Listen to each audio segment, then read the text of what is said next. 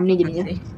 iya, iya direkam. Gak apa-apa. Maksudnya biar Iya buat portfolionya Guri juga kan bawain acara di eh, biar jadi warga teladan lagi gitu. Halo teman-teman sobat film sekalian di mana pun kalian berada, semoga sehat selalu pada malam hari ini.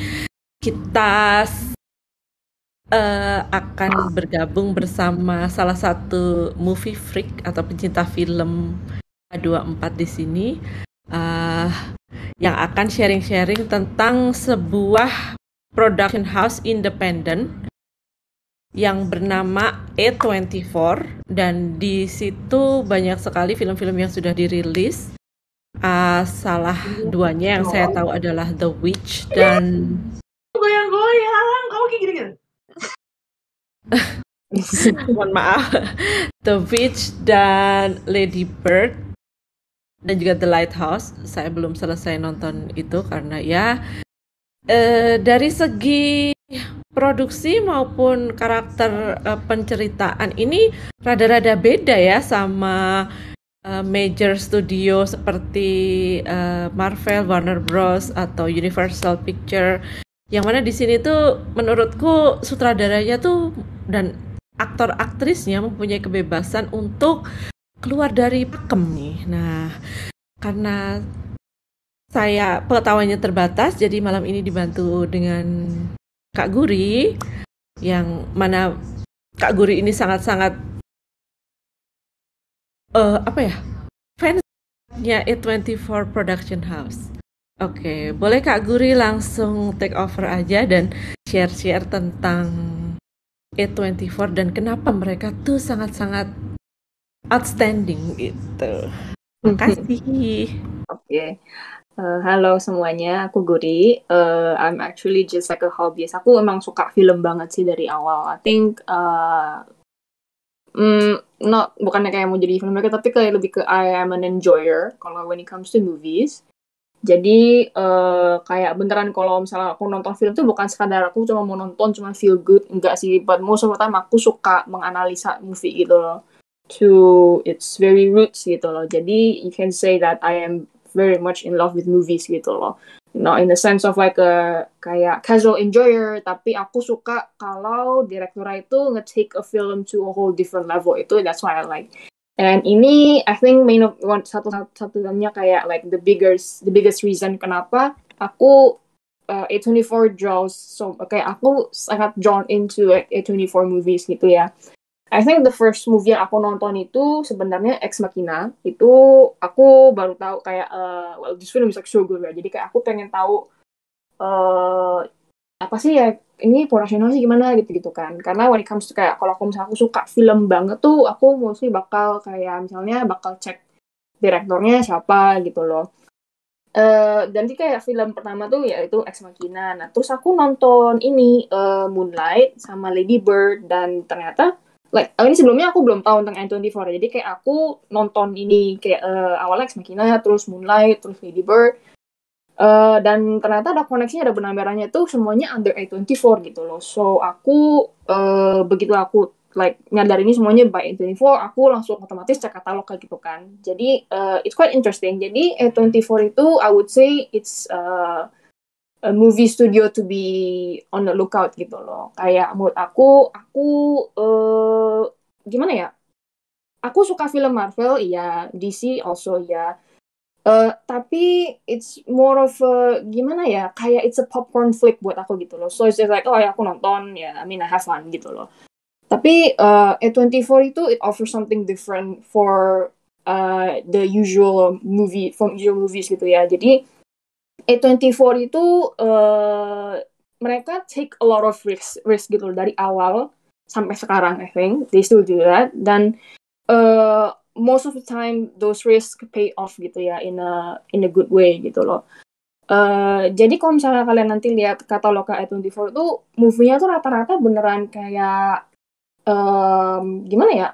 Konsepnya itu bener-bener around human drama tapi kayak they really take it a step further gitu ya when it comes to kayak cara storytellingnya tuh gimana mana gitu loh. Tapi kayak a lot of times temanya itu quite universal gitu sih um, one of my favorite films dari A24 itu is obviously uh, Everything Everywhere All at Once ya itu salah satu film yang uh, baru. Itu I think yang sekarang the highest grossing filmnya A24 um, I think it's like I think everyone knows that movie at this point sih. Tapi sebelumnya I also like film The Green Knight uh, and then apa ya?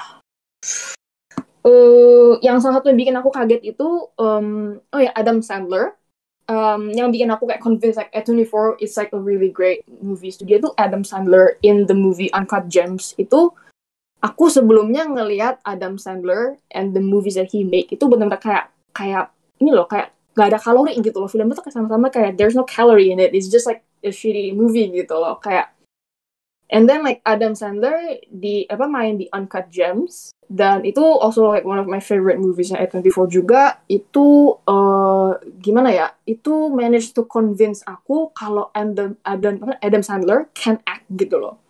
Dan itu bikin aku kaget gitu loh. Karena thought like Adam Sandler um, ya dia main filmnya gitu-gitu aja gitu. He has a production house dan bikin filmnya gitu aja. Kayak he's not gonna go anywhere as an actor gitu dan begitu Uncut Gems keluar dan aku nonton shit. Itu uh, mindset aku langsung berubah gitu loh. Kayak wow kalau if you give him a really good script um, he is a good actor gitu loh.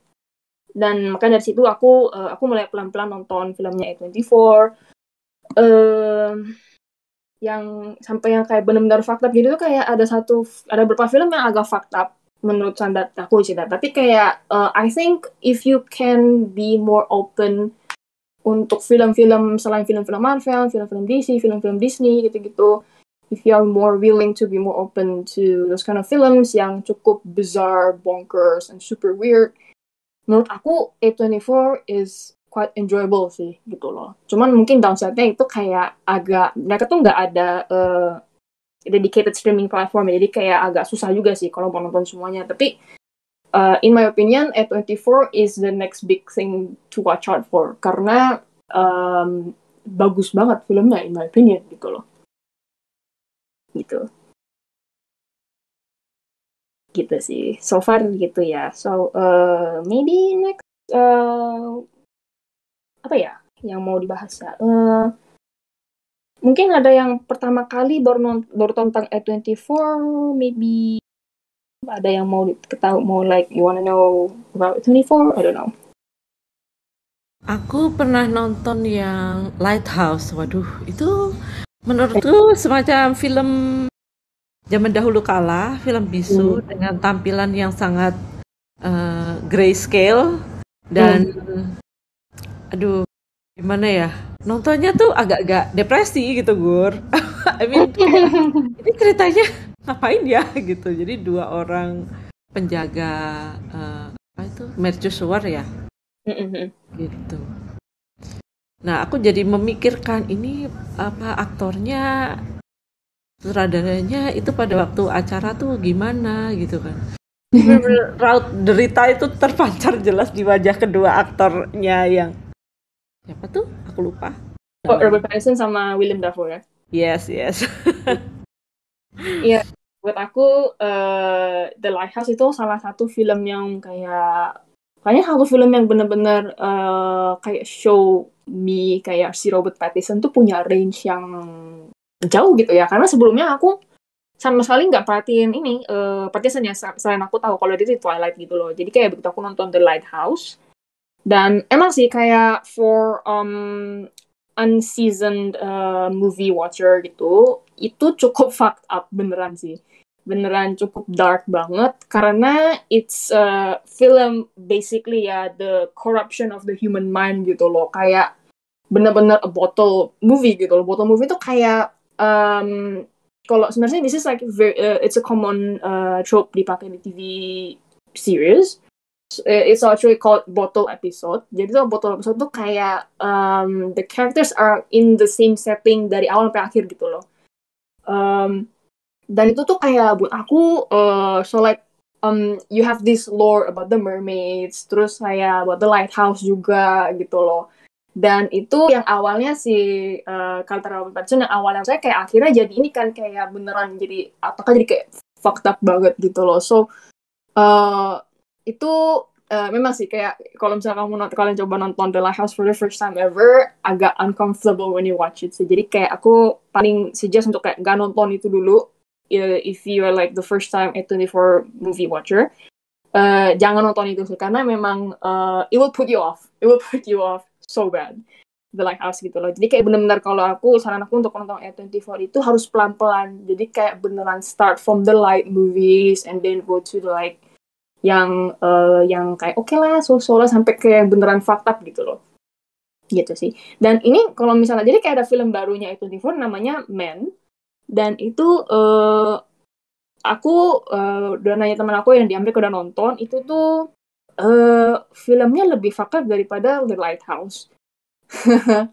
Dan itu aku salut juga sih sama 24 yang kasih yang beneran took that risk untuk uh, nge-produce film ini. Karena kata temen aku namanya ini filmnya fakta banget yang si yang band itu loh. Jadi kayak uh, wow gitu loh. Salut aja sih sama tim 24 oh oke. okay. Kalau belum pernah nonton film 24 mau saranin film apa apa banyak banget sih jadi kayak um, mungkin yang awal yang uh, aku saranin yang paling lightweight dulu deh nonton ini uh, aku ya. Uh, Lady Bird, Lady Bird itu uh, ceritanya tentang this high school girl yang kayak uh, jadi kayak beneran tentang the life of the high school girl yang melalui masa dia SMA sampai uh, awal dia mau ke college gitu loh. So it's very lighthearted, it's very okay gitu loh. Terus uh, Ex Machina is also great. Uh, it's not fucked up, but it's like buat aku bagus sih Ex Machina.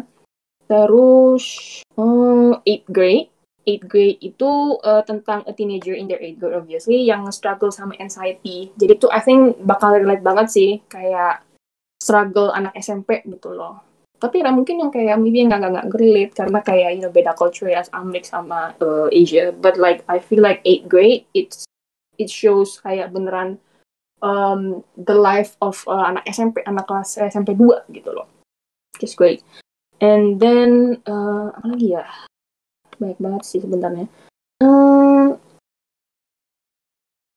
itu oh ya yeah, After Yang After Yang is also good. Jadi After Yang itu uh, also like uh, secara singkatnya ya After Yang itu film tentang uh, dystopian future. Jadi kalau misalkan kalau dystopian kan misalnya yang kayak cyberpunk gitu-gitu kan ya. Tapi After Yang ini dia backgroundnya lebih ke Southeast Asian background. Jadi kayak uh, but it's um, a movie about um, kayak well it's kind of like film Her tapi lebih gimana it takes the theme of you know artificial intelligence on such a serenity level gitu loh kayak um, aku nonton itu jadinya ngerasanya adem gitu loh so I I really that I really like that film it's really good and uh ya Wah banyak banget sih. Oh Minari, Minari bagus juga. Minari bagus banget. I love that one. And uh, apa ya? Everything Everywhere All at Once uh, yang lately baru ngetrend banget itu itu also really great dan aku cukup relate banget sama film ini karena uh, beneran kayak ngasih lihat the East Asian uh, Southeast Asian uh, family dynamic gitu ya buat aku aku cukup cukup relate banget sih sama film ini Eh, ya, yeah, itu so far yang film-film itu dulu. So just watch those ones yang uh, mungkin film-film yang aku agak gimana ya istilahnya kayak like if you want to watch it go ahead tapi it's kinda you know a bit fucked up. Uh, obviously The Lighthouse. The Lighthouse itu agak uh, itu itu uh, levels of fucked up. Jadi uh, you can watch that if you want to and uh, apa ya waktu itu oh ya yeah, The Witch itu serem juga sih lumayan serem I really love Anya Taylor Joy in there and then kalau yang dark comedy I would say The Lobster. The Lobster itu berat banget. Uh, as in like dark comedy banget gitu loh. Like uh, kayak gimana ya? Tapi kayak kalau misalnya aku tuh suka the like the lobster itu I particularly like this movie meskipun dark banget like dark comedy abis itu tuh mostly karena it examines the kind of like the uh, relationship in the 21st century gitu loh. So aku pas nonton ini I I really think about kayak uh, do we chase love because we truly love someone or is it because we are lonely gitu loh? Uh, kayak do we really love the person that we are dating or do you you just like you know morph yourself into the image of kayak biar sama sama apa yang uh, orang yang kamu cintai gitu loh. So it really dark tapi uh, cukup intriguing. That and that's like that's what I really like about A24 films itu loh. Karena if you really take the time to understand and watch the film itu a lot of the A24 movies itu beneran uh, bakal bikin kamu mikir gitu sih. Kayak bakal bikin kamu kayak you just like sit there after you watch the movie and then beneran cuma duduk aja dan kayak kepikiran gitu loh. Which is like a good thing. This is what I really like about Farm movies gitu sih. Gitu Oke, makasih Gur. Ini aku lagi ngecek uh, katalognya dan ternyata ada beberapa yang memang outstanding banget, dapat banyak pujian ya seperti Hereditary, Midsommar, terus yang Everything Everywhere All at Once, terus Egg Machina. Yang lama-lama itu ternyata ada yang udah pernah aku tonton juga kayak Swiss Army Man, Spring Breakers. Meskipun Spring Breakers agak apa ya agak konyol iya. menurutku. Iya banget. Kemudian Under the Skin, Under the Skin Scar Scarlett Johansson. Oh iya itu Under the Skin juga jadi mereka memang apa ya beda gitu ya sama film-film populer pada umumnya yang endingnya itu kadang-kadang uh, tidak sesuai dengan yang kita harapkan atau twist ending gitu. Mm, exactly, exactly, exactly. Uh, kayak aku suka banget sama itu karena they give a lot of kayak gimana ya mereka tuh kasih chances to directors yang benar-benar baru awam gitu baru awal-awal bikin film gitu loh jadi kayak uh, they have an idea and then kayak beneran kayak gimana ya kalau misalnya uh, if you pitch this idea to like the big studios itu pasti tolak gitu loh pasti 100% gitu loh tapi if you go to A24 itu beneran they will give you a shot to actually make this film gitu loh which is what I really love about A24 karena beneran menurut aku A24 itu kalau nggak ada A24 at all I think we will not be able to get this kind of gems gitu loh. And uh, I remember ada satu film yang aku nonton itu Swiss Army Man.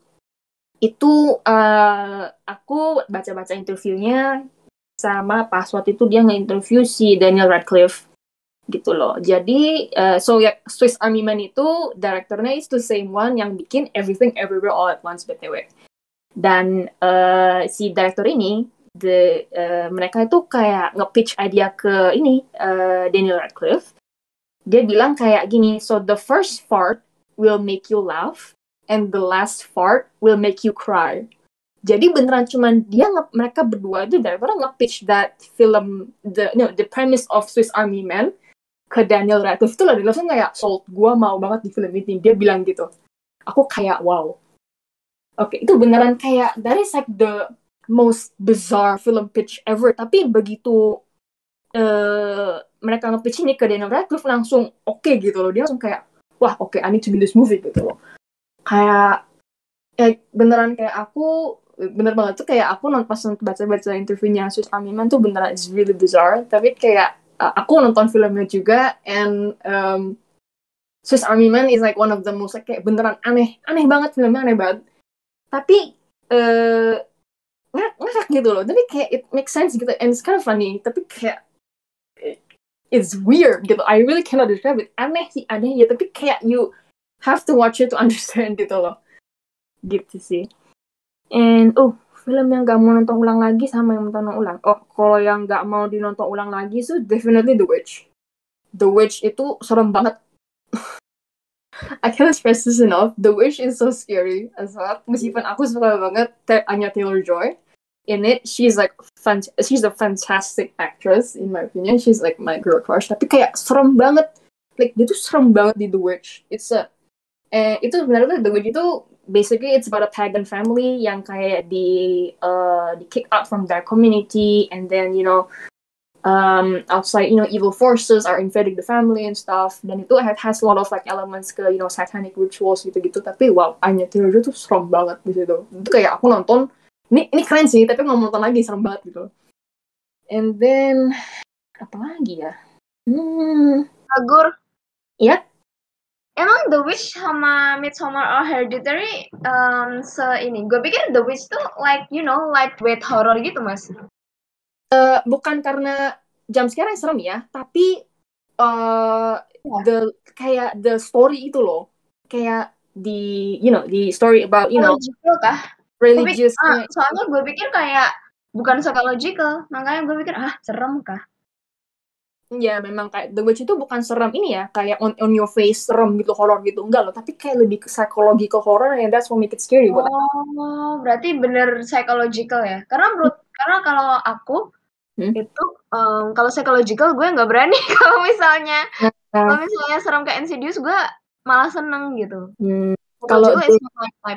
Karena iya, aku nonton Hereditary tuh ke Gur. Hmm. Nah, my mind is so messed up, you know. Like I have to watch a lot of um hal-hal yang kontras dari Hereditary kayak nonton SpongeBob, nonton yes yes yes K-pop Itu- after watching that movie gitu. Jadi terus aku tuh mau nonton The Witch um, bisa karena ratingnya bagus, karena ada Anya dan karena um, katanya horornya bagus banget. But I don't know kalau misalnya itu psychological. Kalau misalnya psychological kayak aku nggak nggak akan nonton deh. yeah The Witch lebih ke psychological banget and then it has a lot of yeah it has a lot of relation sama religious gitu kayak a lot of satanic elements gitu loh and bener-bener seremnya itu bukan on your face horror gitu meskipun I really don't like on your face horror filmnya aku nggak suka juga tuh aku juga takut sih tapi psychological horror it's even more scarier gitu loh dan aku Nah, nonton iya. itu karena aku bias ya sama Anya Taylor aku nonton tapi kayak beneran aku nonton itu sampai kayaknya ada beneran aku I think a week itu kepikiran tuh I cannot sleep gitu loh. It's so scary. Tapi bagus banget emang bagus banget. But it's so scary. It freaks me out gitu loh kayak. Okay, then I won't watch it. lama nonton aja kayak nonton aja sih beneran eh bagus banget beneran bagus banget Tapi kayak buat Kaguri aja sampai kepikiran.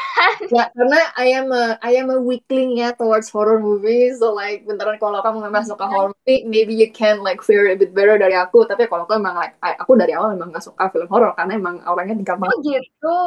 Iya, emang kalau aku kayak gitu orangnya. Jadi kayak, if you wanna watch it, nggak apa-apa gitu loh. Kalau kamu suka horor, I think you can stomach it gitu loh. Tapi ya kalau misalnya eh, di tengah-tengah kayak kayak ketakutan ya, then don't watch it, I guess. Tapi Iya. Aku kalau misalnya ditakutin kayak sekejap gitu kayak you know setan comes up gitu kayak oh kayak kaget gitu. Tapi kalau misalnya sampai masuk ke pikiran gue kayak oh my gak bisa gitu. Oh, aku baru tahu Kaguri nggak suka horror karena A24 eh, kan ini famous for their you know Iya. horror movies. Dan The Lighthouse itu tuh sebenarnya bisa dikategorikan as horror juga sebenarnya. Tapi again, psychological horror gitu loh. Mereka tuh horror, horror Benar, semua film ada gitu, ada film horror juga. Iya, tapi mereka tuh kebanyakan di psychological horror yang kuatnya tuh mereka gitu loh. Ah, bener sih. Gue liat karakteristik horror movie-nya A24 eh, kebanyakan psychological and thriller. Mm -mm, mm -mm, mm. Bener, bener banget. Mm -mm. Itu salah satunya. Not my cup of tea sih. Tapi aku jujur, there's this one movie yang benar-benar inspire me a lot dari Greta Gerwig yang Lady Bird. Oh ya, Lady Bird buat aku Iya. it's, uh, it's one of the greatest movie ever dari A24. I'm just kind of sad not a lot of people know about it. Karena aku sebagai aku yang nonton, kan? aku relate banget karena uh, si Lady Bird-nya ini dikasih lihat kan ceritanya tentang ini kan mostly tentang ceritanya Lady Bird sama emaknya gitu kan ya. Sama- Their like mother and daughter dynamic itu kayak wah gila aku sampai keinget banget sama my own mother and my dynamic gitu loh kayak beneran itu tuh pas Hmm. itu kan ini kan ada kejadian scene emaknya kan ngocehin dia kan di mobil kan heeh, heeh. buka pintu keluar gitu kan kayak jatuh diri gitu gue kayak wah gua Aku waktu sini tuh nangis waktu yang awal banget tuh. oh iya ya awal banget iya iya iya Waktu dia sama maknya ngomong aja gue nangis di awal-awal. Terus Heeh. yang, eh gue gak mau cerita takut spoiler. Iya, tapi kayak ada this one scene yang kena ke aku tuh karena begini, dia kan nanya emaknya kan kayak eh, do you like me gitu. Terus emaknya kayak of course you're my daughter gitu kan. No no no but like do you like like me gitu loh kayak. Aku kayak wah shit, ini you have no idea how many times I wanna ask this to my mother. Gue kayak Hit home.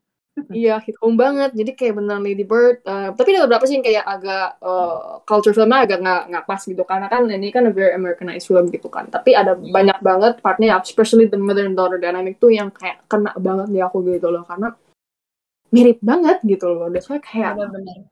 wow gitu loh bagus banget anyway should watch it guys. Lady Bird bagus banget. It's Mhm. ya simple but syarat apa ya?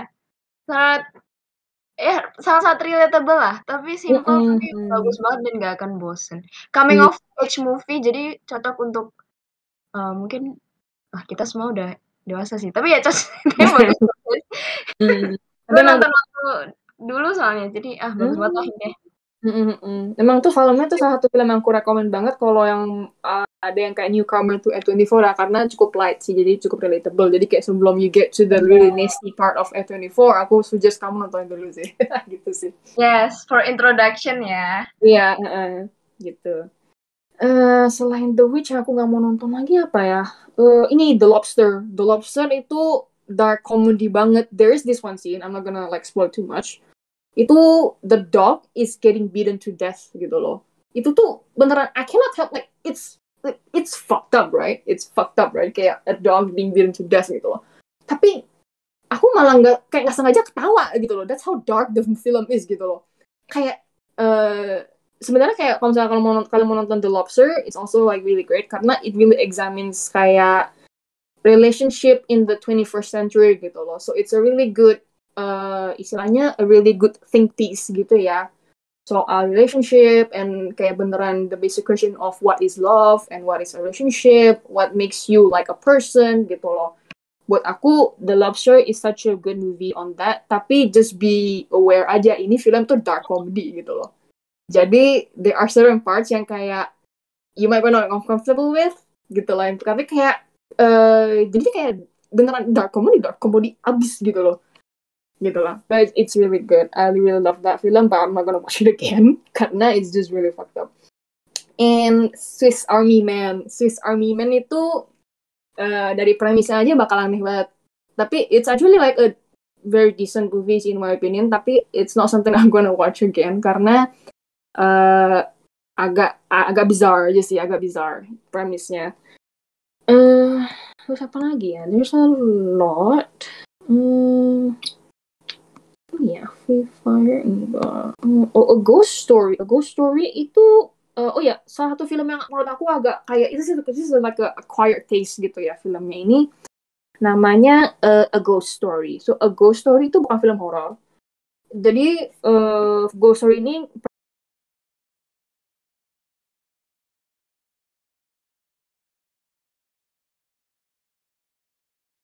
Halo, Guri, suaranya hilang. Premisnya itu kedengeran? Kedengeran sudah. Oke, jadi eh, ada satu film namanya A Ghost Story, and ini yang aku saranin agak kayak I'm not sure if everyone can watch it karena film ini agak minim dialog banget sih, bener minim banget gitu loh. And eh, jadi premisnya itu um, there is this couple yang suaminya meninggal gitu loh, dan dia jadi ghost, eh, like literally ghost, kayak pakai gorden putih gitu loh. Jadi bukan ghost antung, tapi kayak yeah, like a comical ghost with like the a white curtain and stuff.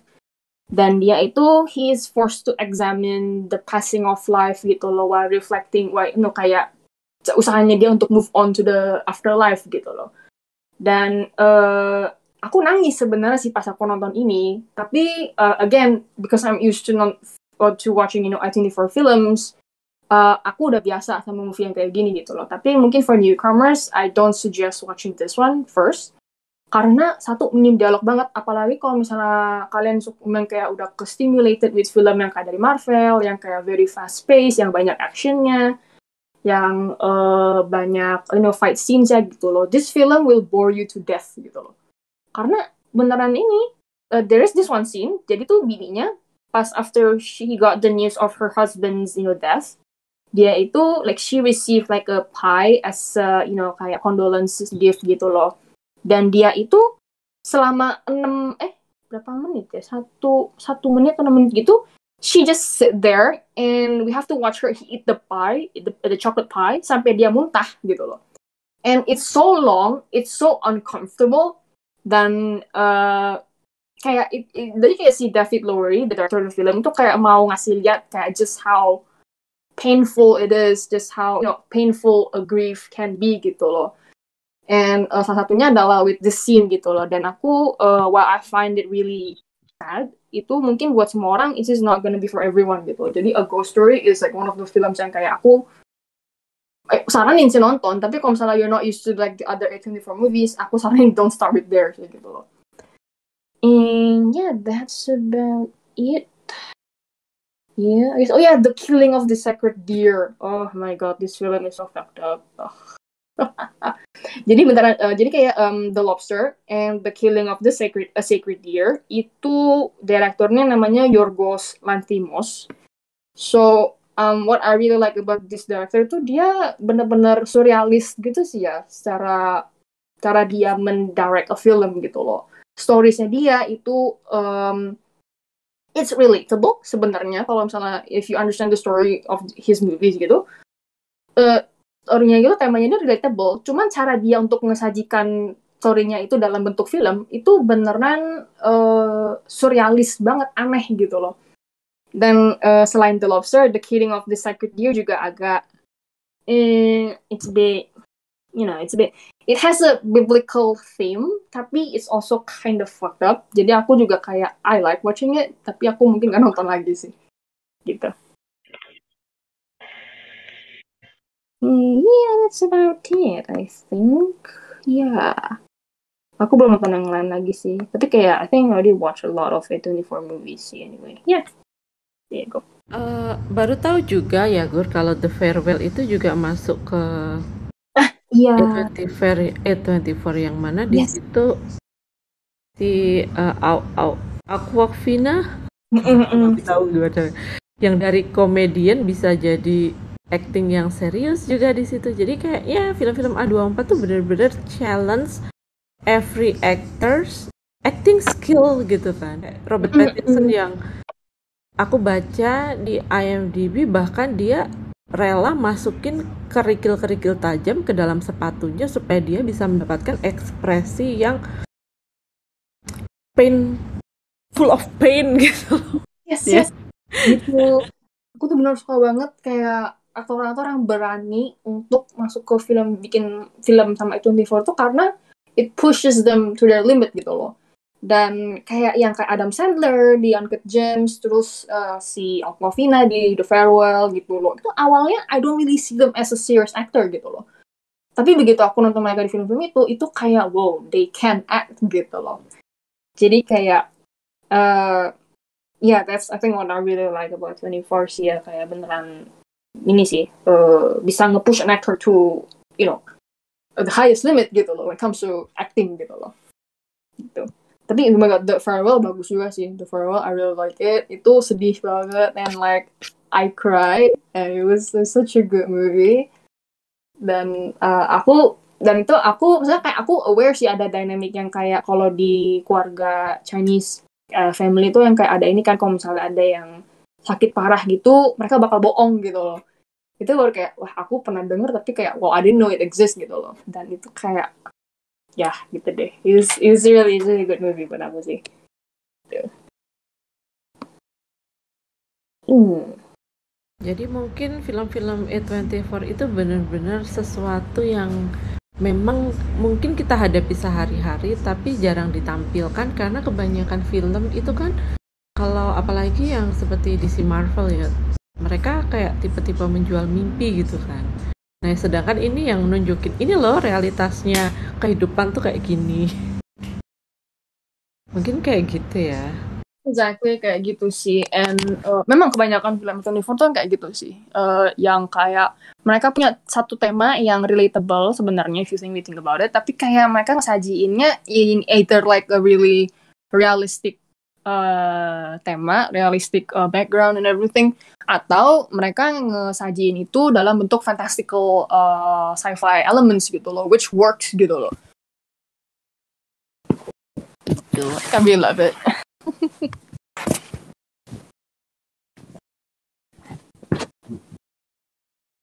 Sama apa lagi ya? Oh iya, sama I think like one of my favorite film juga itu uh, The Green Knight. The Green Knight itu basically it's a it's a poem zamannya uh, Arthurian legend gitu. Tapi si David, David Lowery, which is like the director of the film, itu dia bisa banget bikin poem ini untuk bikin jadi film gitu loh. And like it's really good. It's uh, sebelum i apa sih? Everything everywhere all at once jadi my favorite film of N24 before it was the Green Knight gitu loh. And um, dia benar-benar kayak dari A20, uh, dari The Green Knight ini tuh nge ini beneran ngetampilin eh, bukan nampilin kayak temanya itu the five codes of a knight's chivalry gitu chivalry code gitu loh. And itu uh, yang mainin si ini Dev Patel as um, wait namanya Sir Gawain eh Hmm. Eh, ya, yang Arthur. Arthur gitu ya zamannya Mm-mm. dan yang main itu Dev Patel gitu loh Dev Patel sedangkan kan backgroundnya eh, si The Green Knight ini kan tentang ini kan the Arthurian legend which Mm. eh ini kan kayak eh, should be played by a white man gitu tapi aku begitu nonton The Green Knight and then aku beneran eh ngeliatin eh ini si Dev Patel ini ngacting itu kayak wow he can wah aku nggak tahu ada I don't know how si directornya bisa ngelihat dia tapi dia tuh pas banget gitu loh main jadi Sir Gawain gitu loh. He beneran kayak gimana ya ada this one scene near the end itu tuh kayak um, he's dressed up in like his royal outfit gitu. Dan aku ngeliatnya kayak wow he can be in a medieval painting gitu loh. Kayak pas banget gitu loh. And he's Indian gitu loh. Kayak oh bagus banget ya kayak uh, wow kayak beneran uh, not only he sold it through his acting tapi dari tampilannya ternyata pas banget ya gitu loh. That's why kayak wow bagus sih bagus. Uh, Harry Potter iya yang main Slumdog Millionaire juga also uh, sama Hotel Mumbai. Uh-uh. dan aku pas nonton dia di Green Knight wah itu wow I I love it. I really love it. It's really good salut banget sama David Lowery that's why kayak he's like now my favorite my favorite director sih bagus banget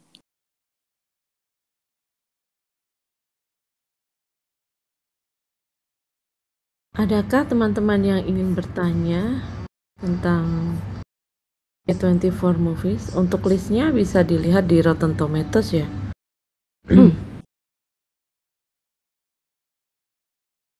Atau ada yang pernah nonton dan punya kesan gitu, boleh juga share. Guri, Guri udah kasih tahu your favorite belum sih?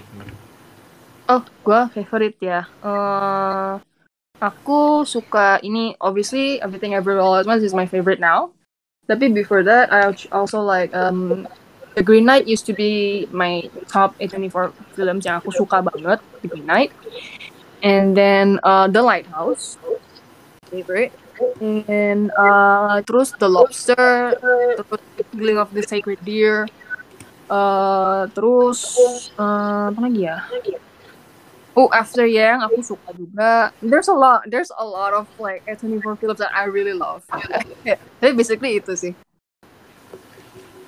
Iya, iya, iya. Kalau gue sih kan baru nonton Everything Everywhere ya, betul ya. Dan gue sangat senang sih. Tapi kayaknya abis itu, abis nonton itu gue jadi ngerti sih. A24 itu arahnya ke mana gitu loh film-filmnya. Dan kayaknya bisa jadi pintu masuk juga sih kalau kemarin teman-teman sempet nonton ya bulan Juni lalu kalau uh, Everything Everywhere ini bisa nonton yang lain-lain kayaknya bisa lebih ngerti gitu loh oh ekspektasinya oh A24 bakal begini gitu loh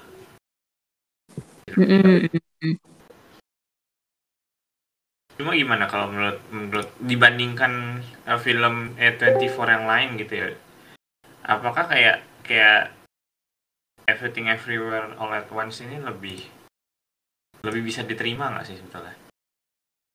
Menurut aku sih ini eh maksudnya kayak dengan kayak gimana ya? Istilahnya um, with the whole movie as it is, everything all there all at once itu aku I don't ex I, I expect nothing less dari A24. Like, aku tahu pasti A24 itu pasti yang tipikal yang maximalist ya in a way. Tapi menurut aku I think this film um, I mean like kayak ini jadi kayak top grossing film highest grossing film A24 it speaks volumes ya jadi menurut aku ini it, uh, very relatable on a different level gitu loh kayak nggak cuman ke Asian community but also bahkan sampai kayak uh, aku pernah baca interviewnya si direkturnya film ini dia bilang bahkan sampai ada yang kayak uh, kayak apa sih people with ADHD itu juga relate sama film ini. Terus uh, ada juga orang-orang yang kayak bahkan white white people white people yang kayak uh, bahkan pernah ada yang kayak kirim dia mereka email gitu bilang wah I relate so much with the family dynamics gitu gitu loh. Dan buat aku itu uh, uh, si Everything Everywhere All at Once ini tuh so far film yang paling relatable banget sih ya with everyone who watch it gitu loh. Regardless of race race you know age gender gitu loh. It's just so relatable gitu loh.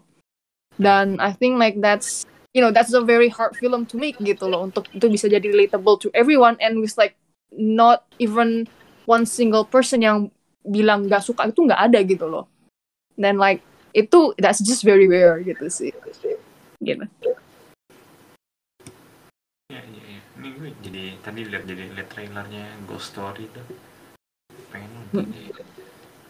Mm, Ghost Story itu beneran minimal dialog banget sih. It's about loss, it's about moving on gitu loh. Tapi it's very minimal dialog banget. Jadi orang eh, orang-orang yang biasanya suka nonton film Marvel yang very stimulated gitu loh, yang uh, sensorinya stimulated banget, they might find it boring sih. Jadi um, it takes a lot to understand a ghost story sih, but eventually it's worth it.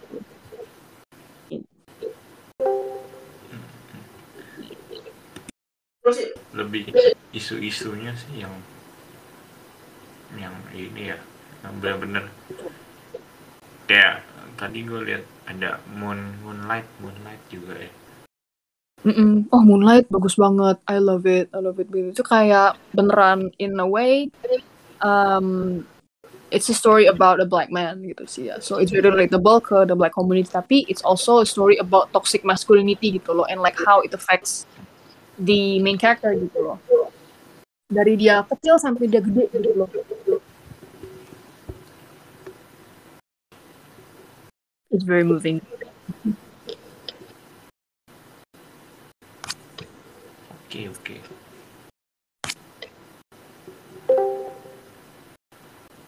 Ada yang mana lagi? Silahkan. Coba cek di meja hijau chatnya ada kan? Oh iya tuh aktor. Aktor juga ini ya. Maksudnya nggak bukan yang uh, nobody gitu loh. Tapi hmm. orang-orang yang oke okay juga yang tadi Ghost Story itu ya Rooney Mara. Terus mm -mm. Tadi, tadi ada Oscar Isaac juga. Uh iya tuh.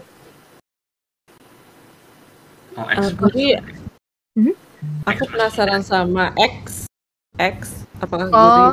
udah pernah nonton? Itu gimana sih? Karena ada Mia Goth dan Jenna Ortega gitu kayak ya iya uh ada Brittany Snow juga yang terkenal sama chick flick chick flick gitu kan. aku belum nonton X sih karena uh, um, gimana ya, aku belum ada interest aja sih. Soalnya dia horor. oh horor ya? Iya, uh, dia horor. Tapi it pays homage to, uh, well it's not precisely homage, tapi kayak, well mostly itu homage-nya ke old old style horror movies gitu ya kalau X. Tapi there's also some parts karena it's again it's a film about this crew of you know team uh, production team of film porno di uh, in farmhouse in Texas gitu loh.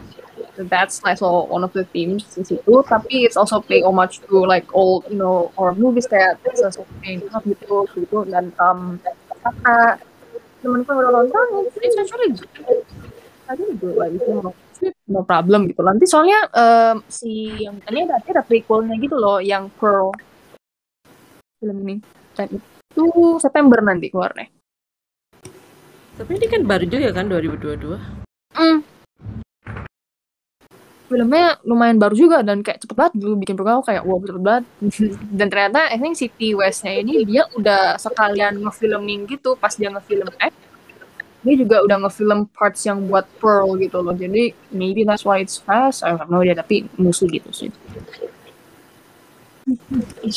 juga ciri khas. Oh ya ciri khas si studio A24 um, kayak it's really hard to describe it actually. Tapi meskipun ini ya meskipun dia itu uh, if you really look at the catalognya tuh di direktur kan beda-beda semua ya gitu ya. Dan uh, there is no kayak kalau misalnya Marvel kan ada there's this Marvel ini kan kayak storyline-nya bagaimana gitu kan. Ada phase one, phase two, phase three, phase four gitu-gitu kan tapi 24 they don't really have that at all gitu loh. Benar-benar stand alone movies gitu-gitu loh. Tapi somehow estetiknya A24 tuh apa sih ada di filmnya gitu loh. Like um I would say maybe color palette-nya maybe uh, cara direction tapi kayak uh, mungkin yang salah satu yang aku cukup notice dari A24 itu kamera work-nya sih. Kamera work-nya itu uh, it's very unconventional jarang banget dipakai di film yang lainnya gitu loh and uh, itu yang sangat bikin aku notice nih film A24 gitu. And also tema-temanya mungkin yang satu yang very obvious itu tema yang ini ya di film-filmnya gitu ya. Itu isu-isunya mereka bawa itu uh, if you really see it itu isunya normal sebenarnya. Kayak like it's a very basic theme gitu loh. Some of them not really tapi mostly kayak basic gitu loh. Tapi uh, cara pembawaannya itu beda banget gitu loh super super different gitu loh I think that that's what makes A24 A24 I guess. Tapi beneran even a lot of people di Reddit itu juga mereka sempat ngebahas soal ini juga. Kayak what makes A24 film A24 gitu loh. Dan lucunya itu ini like a lot of people juga bilang kayak ini estetiknya mereka tuh kelihatan banget di film-film ya padahal tuh beda-beda aktor gitu loh and uh, aku juga nggak inget sih tapi kayak rata-rata pada bilangnya ini caranya cara estetiknya mereka gitu tuh kelihatan banget gitu loh meskipun direkturnya beda gitu-gitu. And it's like uh, aku juga sama juga kayak I don't know how to explain this to people kayak what makes A24 films A24 tapi I would say yes kamu nonton aja dulu nonton berapa. I think it will make sense if you watch some of them gitu loh. Gitu sih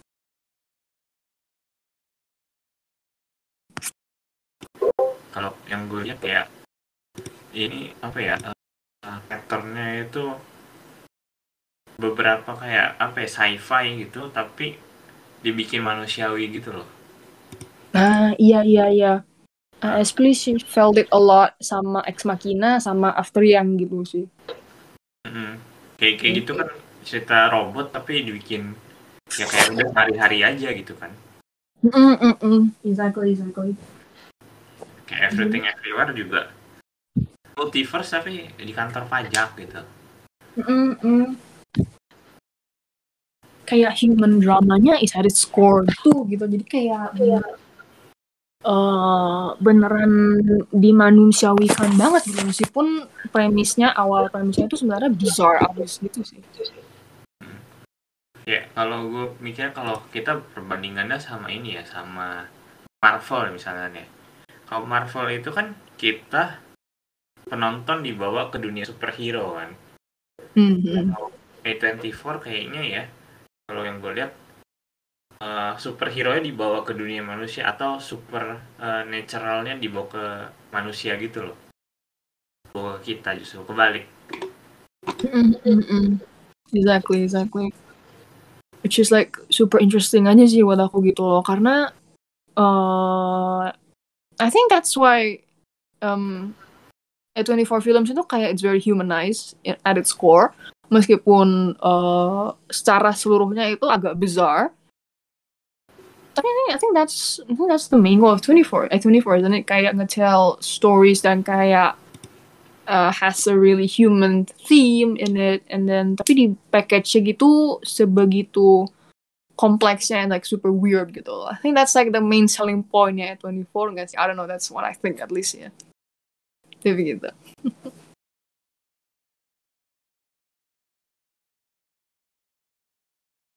tuh.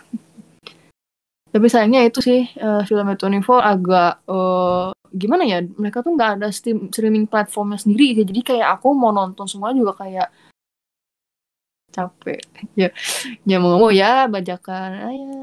Gitu loh kayak ya, ini aku yang mau tanyain sih sebenarnya. Uh, paling banyak katalog A24 itu sebenarnya tayang mana gitu loh. Ya kan? Susah banget emang kayak uh, Apple TV maybe have some of them. Jadi kayak yang The Tragedy of Macbeth itu ada di uh, yang Tragedy of Macbeth itu ada di Apple TV itu ada tapi tuh beneran in general tuh beneran aku tuh masih nonton ilegal sih kalau A24 karena tuh mereka they don't really put their catalog in one place gitu loh. Ada beberapa ada di HBO Max itu kan yang Euphoria kan di HBO, eh Euphoria di Korea itu A24 juga ya?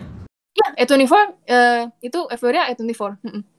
Oh, pantesan kayak jadi terkenal banget itu si si aktor-aktornya. Oh gitu. iya iya banget. Eh, itu aku belum nonton sih soalnya eh, I don't know it's not, not interested in it. Tapi kayak beneran itu katalog A24 tuh paling aku tuh paling that's not like one the biggest downside itu aku paling susah banget kalau mau nonton film A24 semua itu karena ini kepisah semua gitu loh ada di Netflix ada yang di HBO Max ada yang di Hulu ada yang di Amazon wah pusing gitu jadi aku kayak ah ya sorry like nangis Tanya tanya Aulika sepertinya udah pernah nonton Euphoria atau yang lain udah pernah nonton Euphoria juga tuh gimana tuh? Apakah memang Euphoria ya Netflix se bukan bukan HBO. oh ya HBO Euphoria tuh di HBO. oh ya oke Sebenarnya apa ya? Kalau mau dibilang secara keseluruhan cerita itu kadang lompat-lompat sih. Yang bikin keren di Euphoria mungkin castnya kali ya. ah Mereka keren-keren, cantik, ganteng, kayak lebih ke kalau aku bilang sih karena ada Zendaya kan. Terus kalau dari jalan cerita sih kebanyakan lompat-lompat. Terus kita kayak sepanjang film harus ngelihat orang teler gitu kan. Ngambil uang sana sini kayak kadang tuh "Ah, ini apa sih cerita gini banget. Itu kalau kata aku ya, tapi nggak tahu deh kalau yang lain. Hmm.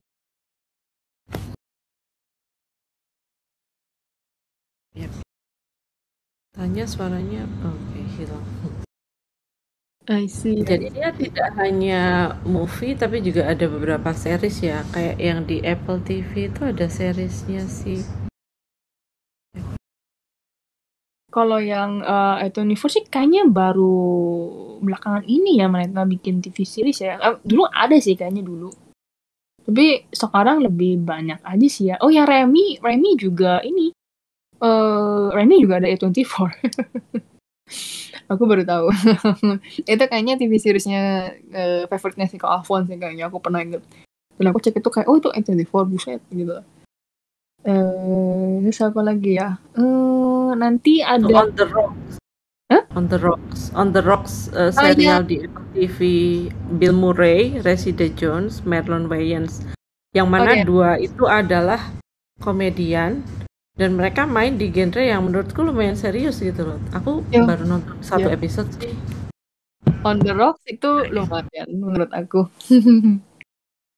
itu eh, jadi kayak it's a- ini kan a rocky relationship-nya si ah, bapak sama anak gitu kan. Jadi kayak eh wow oke so eh, lumayan menarik ya gitu. Aku pas nontonnya juga kayak kayak, oh oke like um these comedians but like it works gitu loh. Jadi kayak it's pretty it's a pretty decent movie buat aku sih. I really like that one.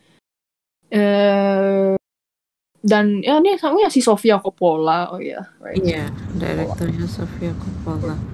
Hmm. Sebenarnya direkturnya pun bukan yang biasa-biasa aja gitu loh. Mm-mm, Demur banyak Dan castnya juga keren-keren. yep, yep. Hmm Dari teman-teman di sini jadi kepengen nonton apa nih setelah dengar ceritanya Guri? Kalau aku sih eh horornya ntar dulu ya, tapi kayak kepengen yang The Green Knight, kemudian The Lobster, dan mungkin Everything Everywhere All at Once itu sih jadi masuk ke list yang pengen aku tonton gitu.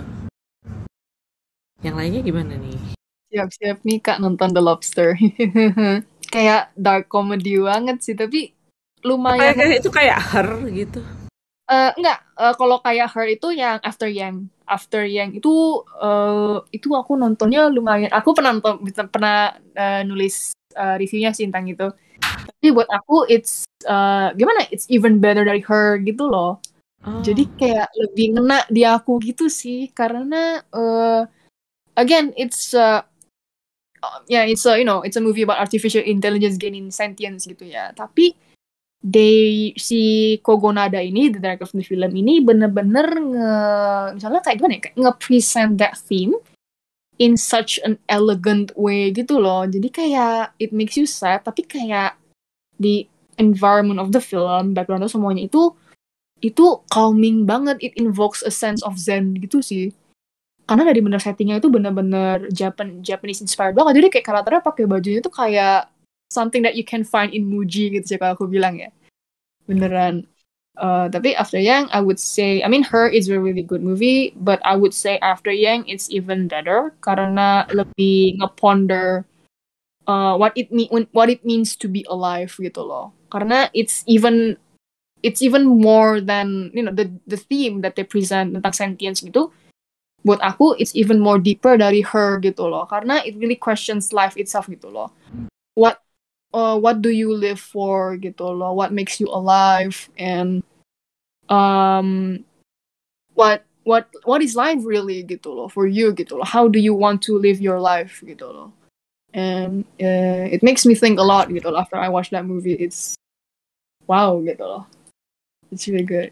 I I love that. Dan starringnya tuh aku baca ada Colin Farrell jadi Turner Smith Terus Malea Emma Chandra Wijaya. Itu orang itu orang Indo itu ya kak.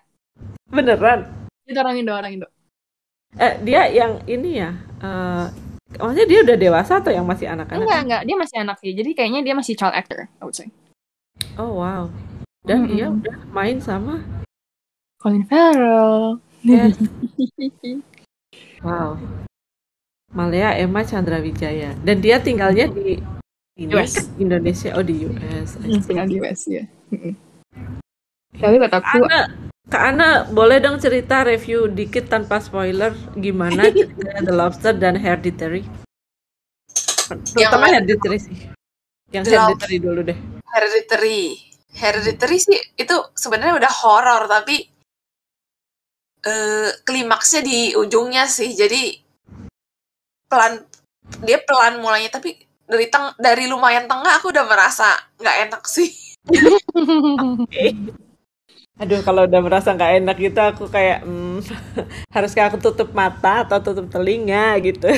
ini, ini, ini kalau tutup mata ya nggak nggak ada efeknya. Kalau kalau nonton perhatiin dari awal sampai akhir baru ada efeknya sih. kalau tutup mata kurang kurang kurang nonjok. Terus gimana dong kalau takut? gimana? iya tapi tapi iya serem sih ini gimana ya? ya ya ya oke okay. aku kayaknya skip dulu deh yang itu. Kalau The Lobsternya Kak Anda menurut Kak Anda gimana? The Lobster The Lobster bagus. The Lobster ini dia bener-bener uh, bikin orang mikir soal ya itu hubungan hubungan re- romantis gitu. Apakah kita benar-benar suka sama orang atau karena hanya karena semua orang punya punya punya spouse? Apakah kita hanya seperti itu bahwa karena semua orang punya spouse kita juga ikut punya spouse? Kayak gitu sih. Soalnya pemikiran lobster ini benar-benar benar-benar nggak ada nggak pernah ada yang bahas sama sekali ini benar-benar film yang unik banget sih Oke, okay, menarik sekali ya. Jadi kayak melihat uh, being single is not that miserable gitu mungkin ya.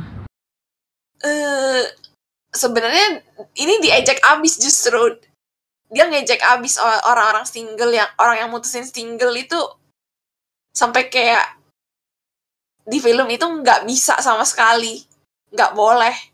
Yep, yep. Nggak boleh single gitu maksudnya. Iya. Oke oke. Menarik sih menarik. Kayaknya aku jadi mulai cari-cari nih di platform-platform yang legal uh, kayak Prime Video atau Apple Store. Ya ntar langganannya sebulan aja nonton habis itu bulan depannya di-cut lagi. Gitu. Teman-teman gimana nih yang lainnya? boleh cerita-cerita sharing atau jadi kepingin nonton yang ini nih gitu. Silakan. Adakah?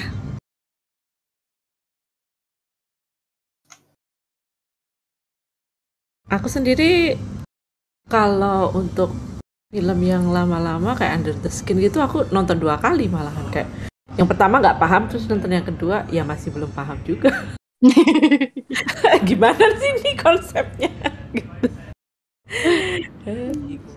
Oh, Green Room. Green Room aku belum nonton sih kayaknya. Aku belum ini. Soalnya ini aku masih pelan-pelan banget nonton ini A24 karena gue susah banget nyarinya di legal streaming platform ya. Aku sampai kesel sendiri kadang kayak aku bisa paham sih you want to support them but they're not available anywhere gitu kan. Ya kan makanya aku kayak A24 lu bikin streaming platform sendiri dong. Gue capek ya mau nonton film lu. Ah capek gue Padahal kalau lihat di katalog yang uh, Rotten Tomatoes itu udah ada 118 loh. Semestinya ya, ya banyak kan sekarang yang bikin uh, seperti itu maksudnya platform. Hmm. Terus yang The Bling Ring aku juga lately baru tahu tuh film A24 juga. Aku kayak oh The Bling Ring tuh rada nyebel sih. itu nyebelin. Dia kan yang maling-maling di rumah or- orang kaya gitu kan. Iya, iya. Itu kayak my Tapi God. aku suka sih yang main kan si Hermione itu sama Iya, Watson. Mm. sama Farmiga Farmiga, Thais Farmiga. Eh bukan. Eh iya. Aku lupa. Tapi aku nonton sih. Aku suka aktornya sih kalau The Bling Ring. Jadi aku nonton karena ada si dua itu gitu kan. Hmm, mm, mm, mm. gitu deh. Menarik menarik. Adakah lagi yang mau ditanyakan? Ayo Oh. dong, kita bahas movie nih, seru nih. Sama mungkin aku sejak sini ya, The Florida Project. Itu salah satu filmnya di mana aku ngeliat si Willem Dafoe bukan villain. Florida Project. The Florida Project itu dia jadi kayak si Willem Dafoe jadi kayak this very wholesome ini hotel own, apa motel owner gitu aku kayak wow this is the first time dia bukan main apa the bad guy aku kayak ah, wow oke okay. Film Devo itu sangat-sangat lovable ya karakternya. Maksudnya dia jadi jahat tuh bisa jahat banget. Tapi kalau dia udah main jadi orang baik pun kita bener-bener lupa kalau dia tuh bener-bener aktor watak gitu loh. Iya kan? Makanya kayak aku kan yang mau baca ini kayak oh my god he's so wholesome. Kok ini Willem Dafoe guys? Aku kayak I mean dia dia kayak dia tuh uh, he's like used to play apalagi pas aku nonton The Lighthouse gitu kan. Ini kayak abis aku nonton soalnya waktu itu aku nonton abis The Lighthouse aku nonton For the Project gitu kan. Kayak langsung waduh udah kayak this is the same actor? What? Gitu lah kayak ini Willem Dafoe what? Gitu. Kayak hmm okay the man has range kayak wow. Beda banget. Tapi um, The Florida Project is also a good movie sih buat aku. Eh, jadi ini kayak lebih ke cerita tentang ini ya kayak poverty di bagian Florida sih. Dan uh, it's kinda it's kinda a sad movie tapi it's also kinda wholesome gitu tapi bagus sih menurut aku. Ini this is also really good. And um kalau misalnya kalian nanti nonton The Lobster and then you like that movie you might like a killing the killing of a sacred deer itu juga rada eh, ini tuh aku bingung banget. Tapi kayak si Colin Farrell ini dia itu uh, I think one of the few actors yang kayak sering banget main di film A24 itu kayak ada yang bilang tuh kayak it's like the A24 darling gitu karena baik banget dia main film main film-film A24 I, I I really like his choices in movies sih. Jadi kayak portonya dia tuh banyak film-film art house movies gitu sih. Menarik sih dia. Iya, mungkin kayak orang-orang yang udah pernah jadi A-list actor, pada akhirnya mereka ngelihat ah ini cuma untuk eh, bikin satu studio apa, maksudnya dia tidak bisa mengekspresikan yang ia ingin lakukan gitu loh maksudnya. Kan Hmm, banyak, hmm, hmm. mungkin banyak kayak oh jangan gini, nggak usah gini, gini aja gitu kayak diatur-atur gitu kan Mm-mm. jelas beda ya maksudnya. Mm-mm. Robert Pattinson aja kayak ada tiga film di itu ya. Iya, Di- The Good Time sama aku lupa tuh lagi. Tapi dia juga like one of the jadi bentar lagi jadi A24 darling juga nih. Iya. Nicole Kidman pun juga Nicole Kidman, Elle Fanning, Andrew Garfield Mm-mm. ada satu. Ya memang ini kayak kasih ruang gitu loh buat para aktor dan aktris juga sutradara untuk ya udah kamu eh, explore yang pengen kamu lakuin gitu. Jadi kayak yang di Uncut Gem kan sampai kamu bener-bener yakin bahwa ternyata si siapa itu memang bisa acting gitu loh. Padahal kalau nonton film komedinya Adam Sandler tuh ya itu udah sebel duluan gitu loh. Aku lebih seneng yang kayak Walter Mitty gitu. Tapi kalau Hmm. Sandler aku tuh mau nonton biasanya kayaknya lihat cast ceweknya. Jadi kalau ceweknya itu siapa namanya? Em, yang yang main Friends yang rambutnya bagus banget tuh siapa? Jennifer. Aniston. Iya, itu aku tonton karena ada Aniston terus eh, Drew Barrymore gitu. Aku oke nonton. Tapi yang lain ah, lihat Adam Sandler doang tuh aku udah yang "Hmm, enggak deh.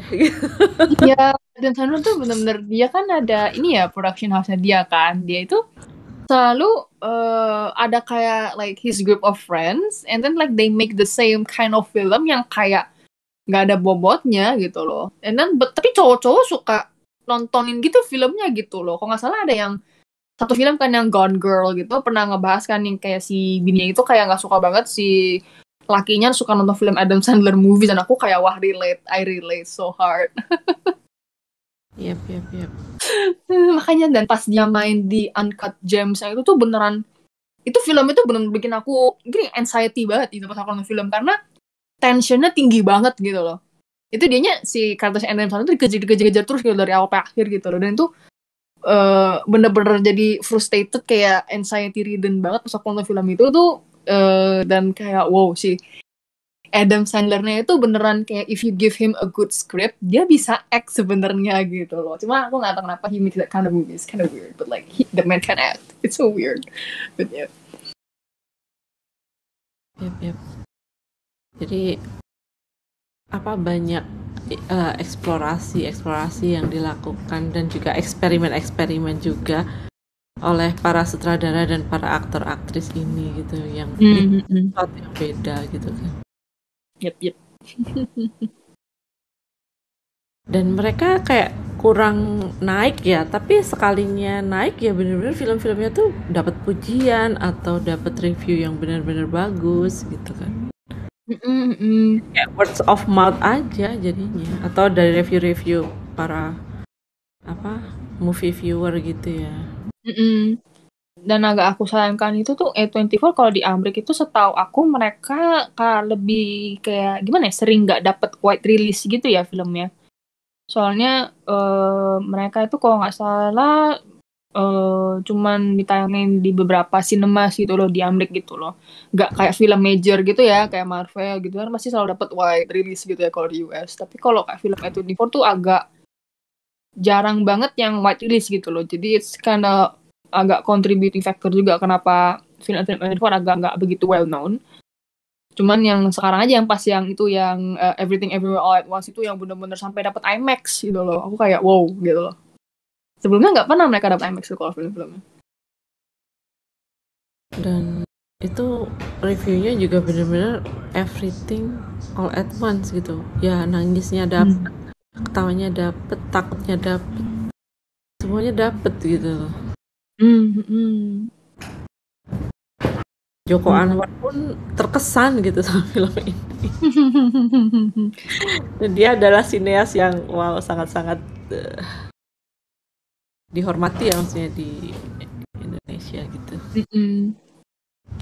beneran ini tuh wait, uh, Everything Everywhere All at Once itu beneran the kind of movie that you won't get it anymore gitu loh. Beneran once in a lifetime banget sih film kayak gini gitu loh. Dan such an achievement gitu sih. Gila sih memang. Oke. Kalau tidak ada lagi yang bertanya, mungkin kita bisa akhiri eventnya. Tapi kalau Guri masih tetap pengen stay dan bahas-bahas, eh, boleh silahkan.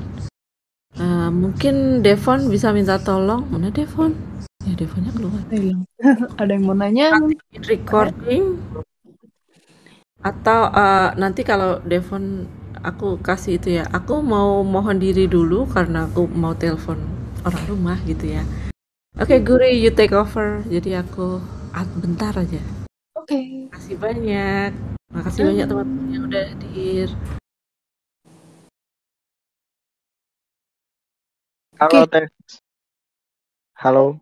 Halo, halo, ya. Suaraku jelas gak? Jelas, jelas. Halo Kak Guri, thank you banget nih sering-seringnya aku salam kenal teman-teman juga nama Guri, namaku Kai. Halo. Halo, ya. Salam kenal.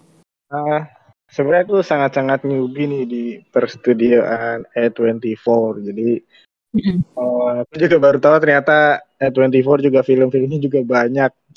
Nah, eh kalau misalnya aku yang tipenya suka genre kayak AI gitu, kira-kira ada rekomendasi film sendiri gak sih dari Kak Guri? Misal kalau aku pengen coba menjamah film-film A24 ini. Eh, artificial intelligence ya? Mm-mm. Oh iya. Eh, yang pasti yang aku suka banget filmnya Ex Machina. I think it's a must banget kalau mau nonton tentang